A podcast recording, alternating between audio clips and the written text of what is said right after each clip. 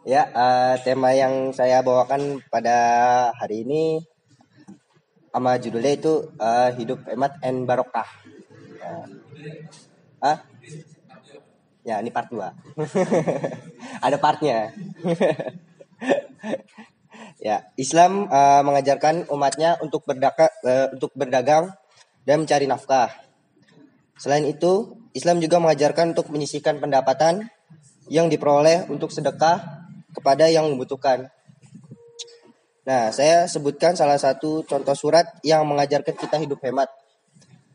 Yaitu, dan janganlah kamu mengambur-amburkan hartamu secara boros. Sesungguhnya pemborosan pemborosan itu adalah saudara-saudara setan dan e, setan itu sangat ingkar kepada rohnya.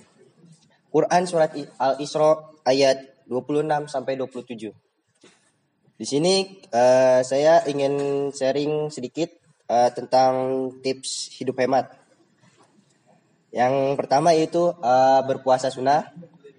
Ini uh, alternatif bagus bagi kalian yang ingin mengurangi pengeluaran uh, dari biasanya. Misal uh, pengeluaran setiap hari 30.000. Nah, uh, kita mau misalnya mau berpuasa nih mumpung hari Kamis Nah, tapi jangan lupa juga uh, niat puasa itu bukan karena niat hemat dulu, tapi karena niat nilai tahala dulu. Nah, hemat itu baru kedua. Nah, uh, terus yang kedua bijak dalam berbelanja. Nah, di sini kita harus tahu uh, harus bedakan mana keinginan, mana kebutuhan. Misal uh, saya mau membeli laptop baru atau uh, HP baru, ya kan? Tapi kita harus tahu dulu konteksnya. Ini HP dan laptop ini apakah dibutuhkan, benar-benar dibutuhkan, atau uh, nggak terlalu dibutuhkan sama sekali. Sementara kita harus uh, mempunyai barang yang harus benar-benar dibutuhkan saat ini atau esok. Misal uh, pengen punya kompor nih, karena uh, kita sering makan-makan, sering gra sering GrabFood atau GoFood. Salah. Nah, kalau GrabFood sama GoFood kan uh, pengeluaran mungkin bisa membengkak ya. Mungkin bisa membengkak. Kalau kita masak sendiri, mungkin pengeluaran bisa diturunkan atau uh, bisa menurun pengeluarannya dari misal 30 kita bisa turun sampai 20 atau uh, 15 gitu. Iya. Yeah. Kalau yang ketiga itu adalah pola hidup sederhana dan tertata. Misal uh, kita uh, sorry, misal saya mempunyai gaji uh, contohnya misal 4 juta. Nah, kita harus tahu nih selama satu bulan kita itu harus ngapain aja. Uh, gajinya itu setiap hari uh, pengeluaran harus berapa, harus habis berapa, Terus bulan depan harus habis berapa juga. Nah, terus untuk yang ditabungkan harus berapa?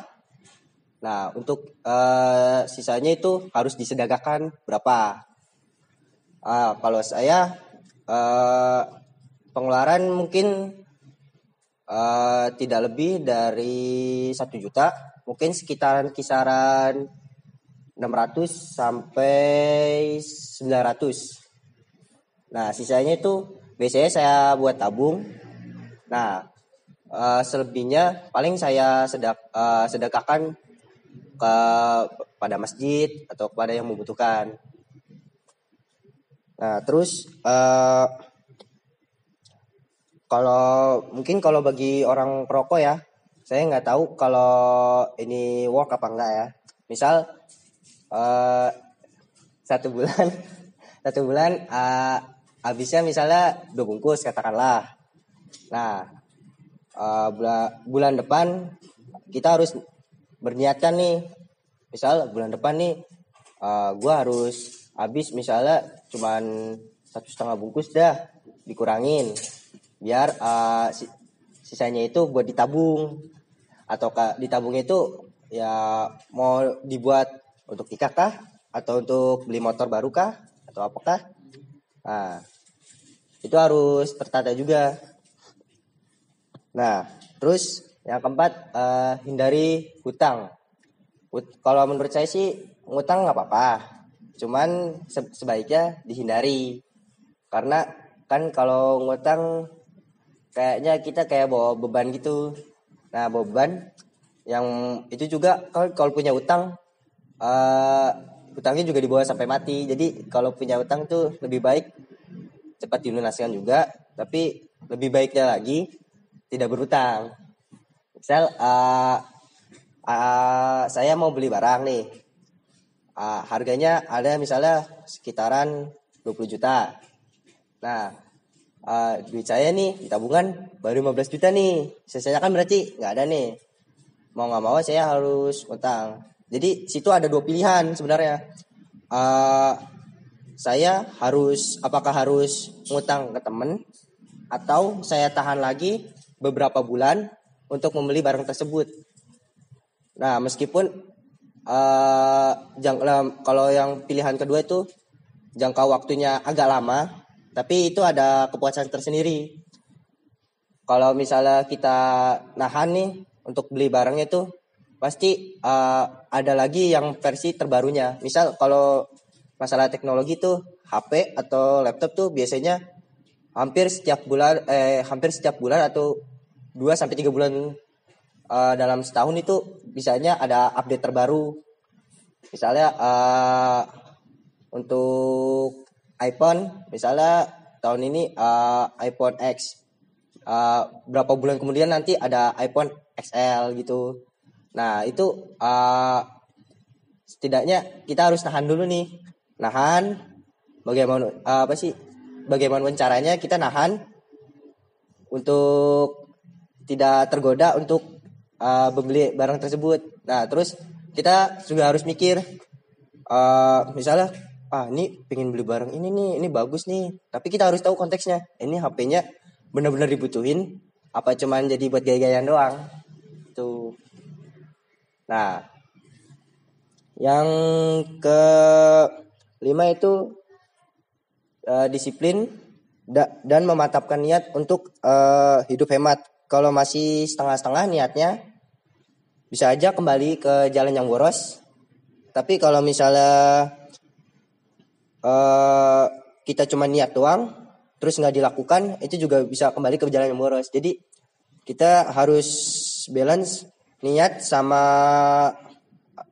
uh, kenyataan, maksudnya kelakuan untuk uh, sorry, maksudnya niat sama tindak uh, sama tindakannya itu sejalan. Jadi nggak cuma niat-niat doang, nggak cuma dilakukan dilakukan doang. Jadi harus balance. Nah kalau misalnya balance kan, kalau udah niat plus udah ada tindakannya, uh, kemungkinan uh, hidup hemat tuh bisa. Nah itu sekian dari saya. Uh, kalau ada pertanyaan silakan atau masukan. Ayo, ada masukan atau saran? Oh, zakat ya? Oh, kalau saya sih dirasakan itu uh, hidupnya kayak plong gitu mas. Nah, jadi kalau itu kan saya kan emang biasanya hidup hemat ya, hidup hemat. Kalau saya itu uh, biasa hidup hemat terus suka sedekah ya. Jadi hidup itu kayak kerasa plong aja. Jadi uh, kalau ada masalah saya plong-plong aja. Kalau kayak misalnya kalau kena tipu lah kalau kalau kena tipu juga saya pernah tapi kalau kena tipu tuh saya orangnya biasa aja jadinya kan biasa orang sampai panik gitu kan kalau saya tuh kalau kena tipu ya udah biarin aja jadi pulang-pulang aja gitu. Pulang-pulang aja jadinya. Kayak nggak ada masalah. Nah gitu mas. Kalau saya manfaatnya. Ada